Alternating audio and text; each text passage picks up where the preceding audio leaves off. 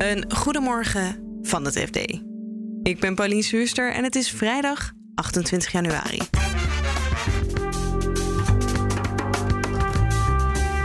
Vandaag zou WeTransfer eigenlijk naar de Amsterdamse beurs gaan, maar gisteren trok het Nederlandse techbedrijf zich toch terug vanwege de volatiele marktomstandigheden.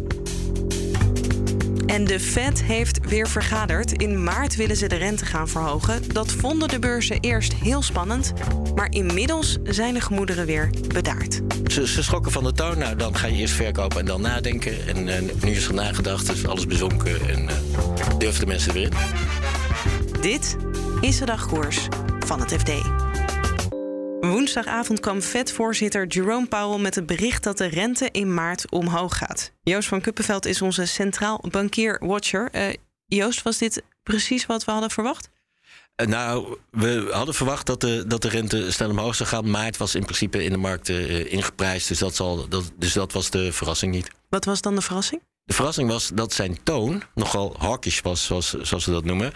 Namelijk, hij, hij, zei dat, dat er heel snel renteverhogingen kunnen komen... en dat ze sneller kunnen zijn dan de vorige keer... want de economie staat er beter voor. En daar, daar schrok, schrokken de markten toch wel van. Want hij heeft er een jaar over gedaan om die noodsteun heel langzaam af te bouwen... en dat maar te signaleren aan de markt. En nu gaat het eens heel hard. En waarom is dat dan gebeurd, denk je? Uh, om, omdat de inflatie hoog is en uh, er is een noodzaak voor en het kan er is ruimte, en dat zei hij ook. Er is ruimte in de economie die, om, de, om de rente te verhogen. Om de rente te normaliseren. Want de rente van 0% is eigenlijk niet normaal. Nee.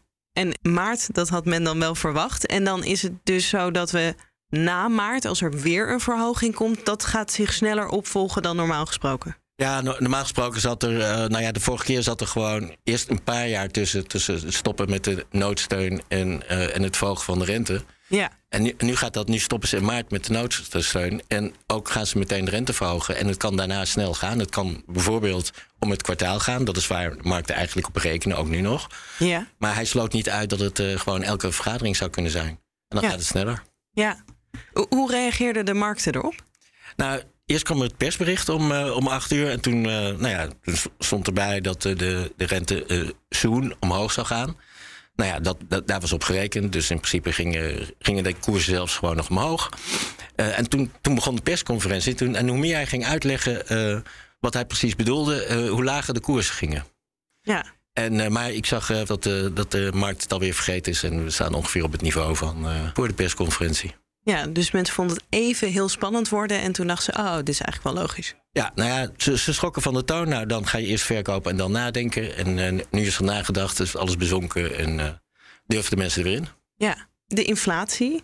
Nee, die kwam natuurlijk eh, weer ten sprake, want die willen ze eh, bestrijden. Is hij dat, denkt hij dan ook dat de inflatie nog verder gaat oplopen dan ze voorheen dachten? Ja, hij zei zelf dat hij zijn eigen inflatieverwachting had bijgesteld. Vergeleken met de vorige vergadering met een paar tienden. Ja. dat, dat, dat, dat, is, dat is best veel. En, eh, en dus, ja, dus dat, dat droeg ook bij aan de, aan, de, aan de sfeer op de markt. Ja, en ik denk nog steeds dat het daarna een keer ophoudt als de pandemie ophoudt. Als de pandemie ophoudt, dan zal de inflatie terugzakken. Wanneer dat is, weten we niet. En hoe ver dat is, weten we niet. Maar ondertussen gaan ook de lonen verhogen. En breidt die inflatie zich dus uit over allerlei goederen en diensten. En, eh, en ook bij de lonen. En eh, Ja, want in Amerika zijn de lonen al fix aan het stijgen. ja, die, die stijgen nu met eh 5, 6 procent eh, op jaarbasis.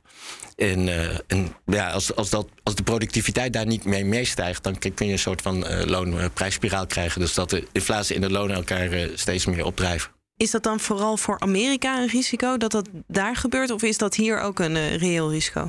Eh, het kan hier ook gebeuren. En eh, da- daar is wat, eh, eh, waar de ECB ook naar kijkt. Ze zeggen van ja, nu wij verwachten dat de inflatie weer onder onze doelstelling eh, zal zakken van 2%. Maar ja, als de lonen hier ook gaan stijgen, dan, eh, dan zal dat niet lukken. En dan moeten zij ook wat doen. Ja, want eh, zij gaan volgende week gaan zij vergaderen. Ja. volgende week donderdag is de, is de ECB-vergadering. Dan volgt ook een persconferentie. En de verwachting is niet dat ze nu, nu wat gaan doen. Maar we zijn natuurlijk wel benieuwd naar hoe zij het zien. Ja. En wat de consequenties dan zijn voor, voor de eurozone. Ook, ook die renteverhoging van de dollar. Maar daar zal ongetwijfeld naar gevraagd worden. Ja, want worden ze vaak geïnspireerd door de Fed? Nou ja, ze, ze, ze, ze leven natuurlijk niet op een eiland. Dus ze, ze, moeten, ze hebben ook heus wel contact eh, met elkaar over dingen. Dus eh, ja, nee, ja, ze praten met elkaar. Dat lijkt me logisch. We gaan het eh, in de gaten houden, Joost. Dankjewel. Oké, graag gedaan.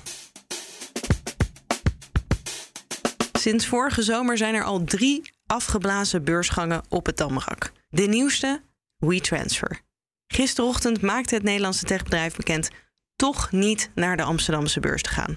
Ga ik het over hebben met Lennart Sandbergen, onze redacteur Financiële Markten, die gisteren ook al vertelde dat de timing voor een tech-aandeel niet optimaal is.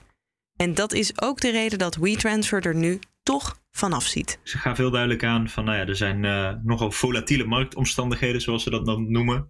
Wat ze daar dan eigenlijk mee willen zeggen is dat uh, de beurs nogal veel omlaag gaat. Uh, zoals hij de afgelopen weken eigenlijk al wat doet. ja, dat was gewoon niet goed genoeg. Zou je niet kunnen zeggen dat ze dat ook al een beetje hadden kunnen zien aankomen? Ja, dat hadden ze wel al een beetje kunnen zien aankomen, maar ze hebben het erop gegokt. Um, en vervolgens dan, ja, dan kan je het maar beter doorzetten en misschien een beetje de uh, hoop hebben dat het toch nog een beetje goed gaat komen en dat er uh, een paar goede dagen op de beurs achter elkaar zijn. Waarbij dan vooral die techbedrijven misschien zouden herstellen en dat het dan wel lukt. Ze hadden wel genoeg interesse om het misschien dan toch erop te gokken dat het goed had kunnen uitpakken. Ja, dat lieten ze wel een beetje doorschemeren. Uh, maar wat je dan natuurlijk ook niet weet is of er dan toch nog partijen zijn die, die hebben gezegd van ja, eigenlijk hadden we beloofd mee te doen, maar we doen het toch niet. Want uh, even voor iedereen die geen uh, redacteur financiële markten is en die nu denkt, hoe werkt dat precies? Je hebt een soort biedingsboek waar mensen zich op kunnen inschrijven voordat die beursgang er is. En dat stond in principe vol.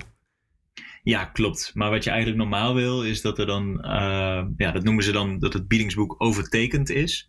En wat je eigenlijk wil als je naar de beurs gaat, is dat het zelfs meerdere malen overtekend is. Dat betekent dan dat je de prijs ook weer uh, omhoog kan doen van het aandeel voordat je zeg maar, de, de beursgang daadwerkelijk maakt. En dus meer geld op kan halen. Ja. Nou en nu, um, ja, ze hadden het eigenlijk al de prijs al een beetje omlaag bijgesteld. Uh, ja, ze hadden ervoor kunnen kiezen om het nog verder omlaag bij te stellen. Maar goed, je hebt ook te maken met uh, de aandeelhouders die het bedrijf nu al heeft. Die dan zouden zeggen van ja, ho ho, als je de prijs zo laag maakt, dan uh, hoeft het voor mij niet meer dan hou ik de aandelen nog wel even vast. En um, zij zijn niet de eerste, zoals ik al zei, die een mislukte beursgang hebben, of eigenlijk helemaal geen beursgang, dat ze het terugtrekken. Wat zit er achter deze, nou ja, ik weet niet, mag je hem met drie al een trend noemen?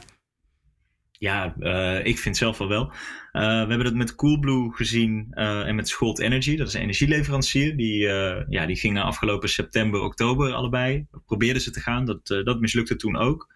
Maar ondertussen uh, zijn er natuurlijk veel meer bedrijven die achter de schermen ervoor kiezen van nou, eigenlijk hadden we wel willen gaan, maar we doen het toch maar niet. Om eigenlijk dezelfde redenen. Um, ja, en wat je wel ziet bij alle drie deze bedrijven is dat ze eigenlijk heel veel groei bedoel, uh, beloofden aan uh, beleggers. Maar ja, dan hebben die beleggers wel zoiets van: oké, maar dit zijn wel mooie beloften, maar gaan ze ook uitkomen? En dat, nou ja, in, in zo'n onzekere markt kiezen beleggers er dan toch voor om maar eventjes af te wachten en ja, die gok niet te wagen. Wat zien beleggers dan liever? Ja, liever zien ze dan een bedrijf dat wat groter is. dus waarvan ze dan ook wel weten van, nou ja, stel ik wil van mijn aandelen af, dan zijn er vast nog wel genoeg andere kopers. Bedrijven die toch al wat meer stabiel zijn, wat meer winst maken. En misschien in de toekomst dan wel wat minder groeien, maar dan al wel bijvoorbeeld dividend uitkeren. Zodat je toch als, ja, als investeerder wat meer zekerheid hebt. Ja, en hoe erg is het eigenlijk voor WeTransfer dat het nu niet gelukt is om naar de beurs te gaan? Ja, dat valt eigenlijk wel mee, denken we. Uh, het is natuurlijk wel zo, met een beursgang haal je in één keer weer heel veel geld binnen.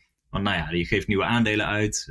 dat, ja, dat is gewoon allemaal cash die je meteen kan gebruiken om je bedrijf verder te laten groeien. Dus dat was WeTransfer ook zeker van plan. Ze hadden plannen om misschien wat andere bedrijven nog over te nemen, om veel aan marketing uit te geven.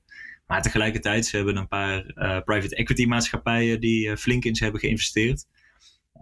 Het kan ook goed zijn dat, nou ja, als WeTransfer nog grote plannen heeft, dat zij denken van, nou, als ze die plannen uitvoeren, dan lukt misschien daarna een beursgang wel weer. En dan krijgen we nog wat meer terug op onze investering. Dankjewel, Lennart. Graag gedaan.